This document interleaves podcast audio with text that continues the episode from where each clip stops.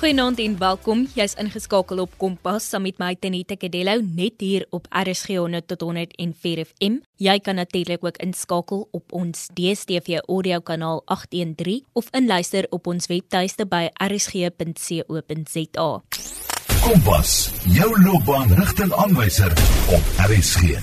Januarie is uiteindelik verby en dit is vir talle mense die moeilikste maand van die jaar. Nie net voel Januarie verskriklik lank nie, maar die finansies trek ook nie so lekker nie.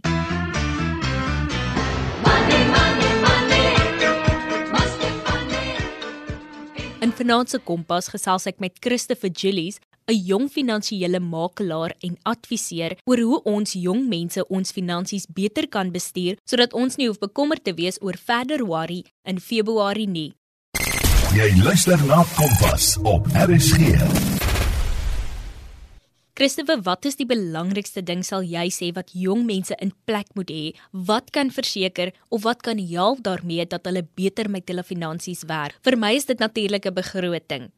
Definitief. 'n Mens moet 'n begroting in plek hê. Kom ons hoop dat die persoon wat ons na verwys, het ten minste inkomste. En die grootste ding is maar basies op die einde van die dag om te weet wat jy inkry en waarop jy daai geld uitgee. Natuurlik ook om dit nie onverantwoordelik te spandeer op sekere dinge nie. Christopher, ek gaan nou eerlik wees. Toe ek op skool was, het ek glad nie aandag gegee aan 'n begroting nie. Wat ingekom het by my, het sommer onmiddellik weer uitgegaan. Maar nou is jy ouer en jy moet ongelukkig meer verantwoordelik werk met jou geld want daar is meer dinge wat jy moet doen. En ek dink dis reeds hoekom dit so belangrik is om te gesels oor hoe om 'n begroting op te stel, hoe jou begroting behoort te lyk, basies wat die riglyne van 'n goeie begroting is. Weet ek dink meeste van ons sal nog wens ons is in ons jonger dae want daar was nie regtig enige verantwoordelikheid of uitgawes gewees as maar net gelewe op sakgeld. maar ja, dis waar wat jy sê, soos om ons ouer raak, kry meer uitgawes of jy weet jy spandeer jou geld op meer dinge wat jou geld kos maandeliks. En 'n mens moet altyd ook soos ek weer eens sê, terug te gaan na die begroting toe, kyk wat jy inkry en waar op meeste van jou geld gaan op 'n maandelikse basis. En deur daai begroting kan jy natuurlik nou as jy meer geld spandeer op sekere dinge wat dalk nie so belangrik is soos uit eet of kuier saam met pelle 'n bietjie geld daar te kan sny en dit dan meer te spandeer op goederes wat vir jou meer gaan baat op die einde van die dag. Met ander woorde, in kort gesê, behoeftes teenoor begeertes en dan wat hulle in Engels sê, is it a want or is it a need? En dan besluit jy nou dis eintlik 'n I want to need oomblik. Christoffel, ek wil graag weet, wat as ek my begroting opgestel het en ek kom agter dat my uitgawes is eintlik meer as my inkomste? Kom ons hoop daardie persoon spesifiek het ten minste iets ekstra in 'n spaarrekening om dalk van daai kostes te dek as dit nie te laat is nie. Maar ek weet ons almal maak maar foute en ons almal is mens. So hopelik leer ons maar uit ons foute uit en die volgende keer wat iets so moet gebeur om dit te verhoed om laat dit gebeur, is om basies maar net uit te sny, opofferinge te maak op sekere goederes, dalk net 'n bietjie minder te gaan uit eet die maand, bietjie minder te kuier met pelle of minder klere te koop of wat ook al, jy weet onnodige goederes daar is wat jy geld spandeer en dit bietjie meer weg te sit vir dinge wat onbepland mag voorkom want ons weet nooit wat die lewe môre vir ons gaan vooraan en ek meen ons kan dalk siek raak jou kar mag dalk nuwe bande nodig hê of iets soos dit en altyd om so 'n nes eiertjie net op sy te sit vir so iets O ja, Christopher, en dis waar baie van ons vir ons vasloop, want dis 'n R10 hier, 'n R20 daar en voor jy jou oë uitvee, het jy R2500 spandeer in 'n week. So ek dink dis ook 'n geval van in die oomblik lewe. Maar soos jy sê, jy moet ook verseker dat jy geld wegsit vir daardie onverwagse oomblikke, soos met 2020. Niemand het geweet dat 2020 die jaar van 'n pandemie sou word nie. Ek stem definitief saam. Baie mense lewe om net in die oomblik te lewe, maar ons moet ook verstaan môre is nog 'n dag. En as jy nou te veel in die oomblik lewe, kan jy dalk nie môre ook in die oomblik lewe nie. So jy moet net altyd bewus wees van die toekoms en goeders wat nog dalk in die toekoms mag gebeur. Ek hou van daardie een Christoffel, as jy te veel vandag in die oomblik lewe, het jy dalk nie genoeg geld om môre ook in die oomblik te lewe nie. So onthou matigheid vir o en om ook geld weg te sit vir daardie onverwagse oomblikke. Christoffel so gepraat van onverwagse oomblikke. Hoe stel ek my begroting so op dat ek op die einde van die dag nog 'n ekstra geldjie oor het? Elke se begroting gaan maar verskillend wees op 'n dag en dit wat vir my werk mag dalk nie vir jou werk nie. So ek sal basies maar aanbeveel yes weer eens om maar net 'n uh, begroting op te stel van uitgawes en inkomste en met tyd dan gaan jy mos natuurlik nou leer. Okay, elke maand wat kom, jou inkomste hopelik bly dieselfde as jy nou nie vir kommissie werk nie en jou uitgawes mag dalk op en af gaan hang af hoeveel jy uiteet, ek meen klere gewys wat jy koop ensovoorts en dan dit op 'n manier aan te pas en waar jy kan opofferinge maak sodat dit basies gebalanseerd bly met uitgawes en inkomste, maar verkieslik wil ons hê dat die inkomste meer moet wees as die uitgawes. En so verseker jy natuurlik dat jy nog ekstra geld het aan die einde van die maand en dan so ook gedek is vir daai onverwagse. Christopher, 'n absolute gunsteling gesprek wat ek gewoonlik het met my vriende is spaar. Nou, mense so geneig om te sê ek gaan um X bedrag wegsit en ek wil oor 3 maande of oor 5 maande wil ek hierdie ding koop, daarom gaan ek soveel geld begin spaar. Maar dan gebeur daar iets en dan kan jy nie begin spaar hierdie maand nie of jy sê vir jouself, "Ag, weet jy wat? Ek het hard gewerk hierdie maand. Ek verdien iets lekker, ek verdien iets goed. Ek verdien daardie handsak, ek verdien daardie paar skoene. Ek kan volgende maand weer begin spaar." Hoe belangrik is dit om goeie spaargewoontes aan te leer? En hoe verseker ons dat ons gedissiplineerd is wanneer dit kom by spaar? Weet jy wanneer dit kom by spaar, dit is is waar wat jy sê, baie mense sê kyk ek gaan nou môre begin spaar of oor 'n maand en dan doen hulle dit nooit nie want daar's altyd iets wat voorval. En spaar op 'n ander dag is maar 'n baie maklike en veilige manier om geld weg te sit om dit letterlik vinnig te kan gebruik wanneer jy dit nodig het. So op 'n ander dag om te spaar, soos ek sê om geld onder die matras te sit, is jy regtig spaar dit Ek sal eerder sê voordat jy jou geld spandeer 'n maand om liewer te eers geld te spaar voordat jy geld uitgee en dis belangrik om daai geld weg te sit in die sin dat jy nie gou daaraan kan raak nie. Want ons mense is soms maar baie onverantwoordelik en impulsief en ja, ons sal nou en dan aan die geld kan raak as dit maklik is, maar as dit nie maklik is nie, is dit net tot ons voordeel om dit dan net meer en meer weg te kan sit maandeliks. Jy luister nog steeds na Kompas op RSG 100 tot 104 FM saam met my Tenita Kadelo en ons gesels bietjie finansies. Definitief Christopher, dis weer daardie ding van het ek dit nodig of wil ek dit maar net hê? En dit is soos jy sê, as jy weet dat jy nie aan jou geld kan raak nie, dan is jy meer berus, maar die oomblik as jy weet dat jy van die geld kan gebruik, is die versoeking daar en jy kan dit gebruik. En dit lei natuurlik na daardie impulsiewe besluite of daardie impulsiewe kopie. Ehm um, ek praat nou sommer uit persoonlike ervaring uit. Ehm um, dis iets wat ek self aanskuldig is om impulsief sommige kere dinge te koop wat ek graag wil hê en wat ek regtig nodig het op daai oomblikie. Maar ek dink die beste is maar om huis toe te gaan, gaan dink daaroor en kyk of jy dit regtig nodig het. Want jy sal sien daar's baie dinge wat jy wil hê en baie dinge wat jy ook nodig het en wat altyd belangrik is is die dinge wat jy nodig het. En jy sal sien nadat jy daaroor gedink het, gee jouself so 'n week, dan gaan jy besef maar die tyd is nie nou reg vir daardie dinge en om 'n bietjie te wag en 'n bietjie meer te spaar. Hoopelik daardie ding wat jy wou gekoop het is 'n bietjie goedkoper want soos jy sê, tegnologie en die wêreld te buite beweeg so vinnig dat môre dalk weer 'n nuwe produk op die mark is en die produk wat jy graag wou hê 'n maand terug of 2 maande terug is dalk 'n bietjie goedkoper. So op 'n ander dag, jy het nie regtig skuld gemaak nie en jy het ten minste geld in 3 maande se tyd of 5 maande se tyd om daai ding te koop wat jy graag wil hê.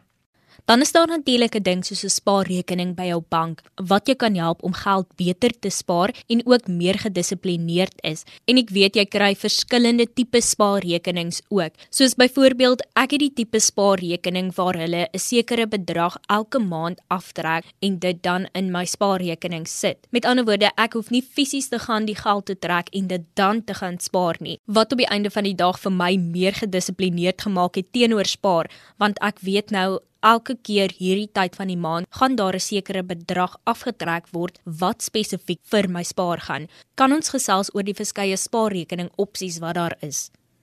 Yes, ek het selfs eenetjie by my bank. Dink hulle noem dit as ek nou in die algemeen kan praat is amper soos 'n flexible account en jy sit maar net maandeliks geld daarin weg. En soos jy sê, as jy vir hulle, jy moet vir hulle um, laat weet en in 30 dae se tyd dan kan jy die bedrag wat jy wil onttrek uitkry.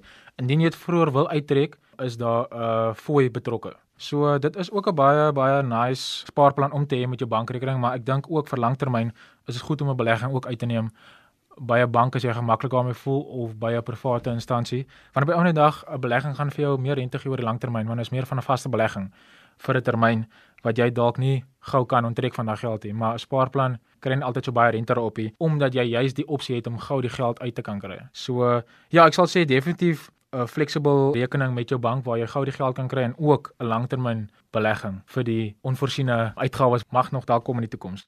En net weer eens baie belangrik, om geld te spaar vir die onverwagse wat enige oomblik kan gebeur. Baie dankie Christopher Julies dat jy saam gekuier het. Christopher is 'n finansiële makelaar en adviseur en hy het vanaand gesels oor hoe ons 'n goeie begroting hou en die belangrikheid van spaar beklemtoon. Dit is geen geheim dat die wêreld meer digitaal en alles meer tegnologies gedrewe word nie en skole ook so verander. JP Leroux is op die lyn en hy gaan bietjie meer vertel oor hoe 'n DigiEd skool se opleiding lyk. Hallo Tenita, baie dankie vir die geleentheid om julle meer te vertel van ons groep skole. Uh, my naam is JP Leroux en ek is die hoof van Kiro Foreshore. JP vanaand gesels ons oor DigiEd. Nou, hoe lyk 'n DigiEd skool se opleiding? Hierdie digit model fokus spesifiek op vakke soos wiskunde, wetenskap, robotika en kodering. Um moontlike kurrikulum um, wat verryk is met tradisionele vakke. Ons kurrikulum span bestaan uit absolute kenners wat eerste klas digitale leermateriaal vir leerders vooraf voorberei. Ons leerders het toegang tot hierdie hierdie leermateriaal wat hulle vinnig kan beweeg as hulle dit eerste keer knap of dit weer kan weer daardeur kan werk as dit miskien nou nie die eerste keer so goed begryp het Die DigiEd um, is 'n gekombineerde onderrigleermodel. Ehm um, dis nie 'n aanlyn model vir daar geen onderwysers is. Inteendeel, en ek moet hierdie um, beklemtoon, ons het 'n fantastiese kompliment van onderwysers veral by die Foreshore Campus in Kaapstad wat wat leerders help om in verskillende dimensies te groei. Ons is gestel op die gehele ontwikkeling van elke. Ehm um, ons leer, ons is passievol om vir leerders te leer die onderwysers spandeer minder tyd as 'n tradisionele skool um, voor die bord. Hulle is nie vasgepind in die bord nie, so hulle kan baie meer tyd een tot een met elke kind spandeer vir verryking asook vir ondersteuning. En hoe draai die DigiEd aanslag tradisionele skoolopleiding soos wat ons dit ken op sy kop? Die DigiEd skoolmodel wil die jeug van Suid-Afrika toerus met vaardighede wat nodig is om die vierde industriële revolusie te navigeer. Um die DigiEd skool se omgewing is baie meer buigsaam. Die partykeer leer kinders op hulle eie, by hulle stasies, partykeer in kleiner groepe en partykeer in groot. Een van die groot groot verskille wel is raak aan die onderwysers wat meer as fasiliteerders optree en baie meer tyd met elke kind in elke les spandeer. En dink jy daar is 'n toenemende vraag na tegnologie gedrewe onderwys? Indien wel, waarom dink jy is dit die geval? O, absoluut Anita. Ehm um, die COVID-19 pandemie ehm um, het die wêreld se oorgang na aanlyn en digitale onderwys versnel. En dit het bewys dat leer nie net in die klaskamer kan plaasvind. En tweedens, terwyl ons nou in hierdie inligtingleeftyd deur die vierde industriële revolusie vorder, is ouers en leerders baie meer oop um oor die ontwikkeling van onderwys wat relevant is. En hulle is baie meer geïnteresseerd om om dit te ondersoek. Ons eie skool se groei is 'n is 'n goeie bewys hiervan. Uh Kido Foreshore het in Januarie 2019 met enkele kinders oopgemaak en ons is nou sterk op pad in Januarie 2021 na 450 leerders toe. Ja, en ek dink ook in hierdie dag is kinders meer tegnologies aangedrewe. Absoluut, Tonita. Ja, dit is die groot fokus is maar om om hulle om hulle vaardighede te gee om hulle meer as net rekenaarvaardig te maak, om probleme te kan oplos van môre. Jy weet en om, om 'n massiewe verskil te maak in Suid-Afrika. JP, op watter vakke fokus 'n tegnologie-gedrewe kurrikulum? Groot fokus op vakke soos wiskunde, wetenskap, robotika, kodering. Ehm, um, maar ons het natuurlik ook uit tradisionele vakke Um ons het ook baie opwindende um klubs in ons skool. Um een van hulle wat hierdie jaar beginne is die die hommeltuig, um drones is wat ons dit noem klub. Um en daar's ja, daar's debattering, daar's vers verskillende aktiwiteite om elke leerder die kans te gee om hy 'n ekstra stap verder te wees om 'n groei te plaas. En watter tipe vaardighede het ons kinders nodig om suksesvol te wees in die werksplek van die 4de industriële revolusie? Ons wil baie sterk dat jong mense um, moet meer as net rekenaarvaardig wees. Vaardighede soos die um, kodering en robotika raak al hoe belangriker. En hoekom dit meer belangrik raak is dat noodsaaklike sifvaardighede um, ontwikkel soos soos probleemoplossing, kritiese denke, kreatiwiteit, um, die bestuur en koördinering van spanwerk. En dan hoe kan ons jeug hierdie vaardighede ontwikkel? Ek dink al manier vir die jeug om dit te ontwikkel is om blootgestel te word aan 'n onderrigkurrikulum wat absoluut gefokus is op die vierde industriële revolusie. Um en dan ook baie fokus te plaas op die opontwikkeling en die in die opleiding van leierskapvaardighede in elke kind vanaf graad 8 af. En dan JP, watter loopbane maak die vierde industriële revolusie moontlik? Daar's definitief ehm um, dit is 'n groter aanvraag op 'n werkskop met vaardighede in kodering en bedryfsanalisie vir IT-infrastruktuur beroepe. En dis waar die DigiEd ehm um, model 'n leerskool is wat loopbane in hierdie tipe loopbane moontlik maak. dit is ook nodig om daai sagte vaardighede te hê, um, soos hoe om te debatteer, hoe om leiding te neem, um, hoe om te kommunikeer en te luister om mekaar te kan verstaan. En hoe lyk 'n tipiese skooldag by een van Kuro se DigiEd skole? Elke leerder kom skool toe, hulle het hulle eie rekenaar um, of 'n tablet en hulle het toegang tot die topgehalte digitale en leermateriaal wat vooraf voorberei is. Skooldag is langer, um, dit is 8 tot 5, wat beteken dat leerders al hulle werk by die skool kan voltooi en sonder huiswerk um, aan huis toe gaan. JP dan wil ek ten slotte net gesels oor die kunsmatige intelligensie of AI soos wat ons dit in Engels noem. Dink jy dat robotte eendag ons werk sal kan oorneem? Ja, dis 'n interessante vraag, Anita.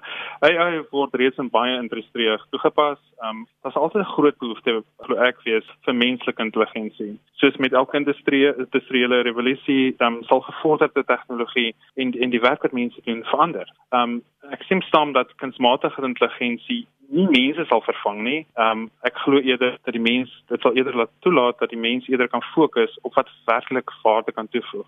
Ehm um, dit is hoekom hierdie DJ Ed skool so nodig is om vir leerders 'n noemenswaardige voorsprong te gee. Ek glo ook daaraan dat hoe meer 'n mens leer, hoe minder is daar om te vrees. Should JP ek dink dit is ons almal se grootste vrees dat robotte ons werk gaan oorneem. Baie dankie JP dat jy saamgekyker het en ons meer vertel het oor DigiEd en hoe 'n kurrikulum wat meer tegnologie gedrewe is lyk. Baie dankie aan ons luisteraars dat julle ingeskakel het. Onthou indien jy enige navrae of terugvoer van vanaand se program het, kan jy 'n SMS stuur na 45889 teen R1.50 per SMS of 'n e-pos na kedeloutz@sabc.co.za. Jy kan natuurlik ook ons webtuiste by rsg.co.za besoek waar jy weer na vanaand se program kan luister of dit kan aflaai op potgooi. Soek net onder K vir Kompas en luister of laai af. Kompas word natuurlik aan jou gebring in samewerking met SABC Opvoedkunde en Percy Mogale was ons regisseur vir vanaand.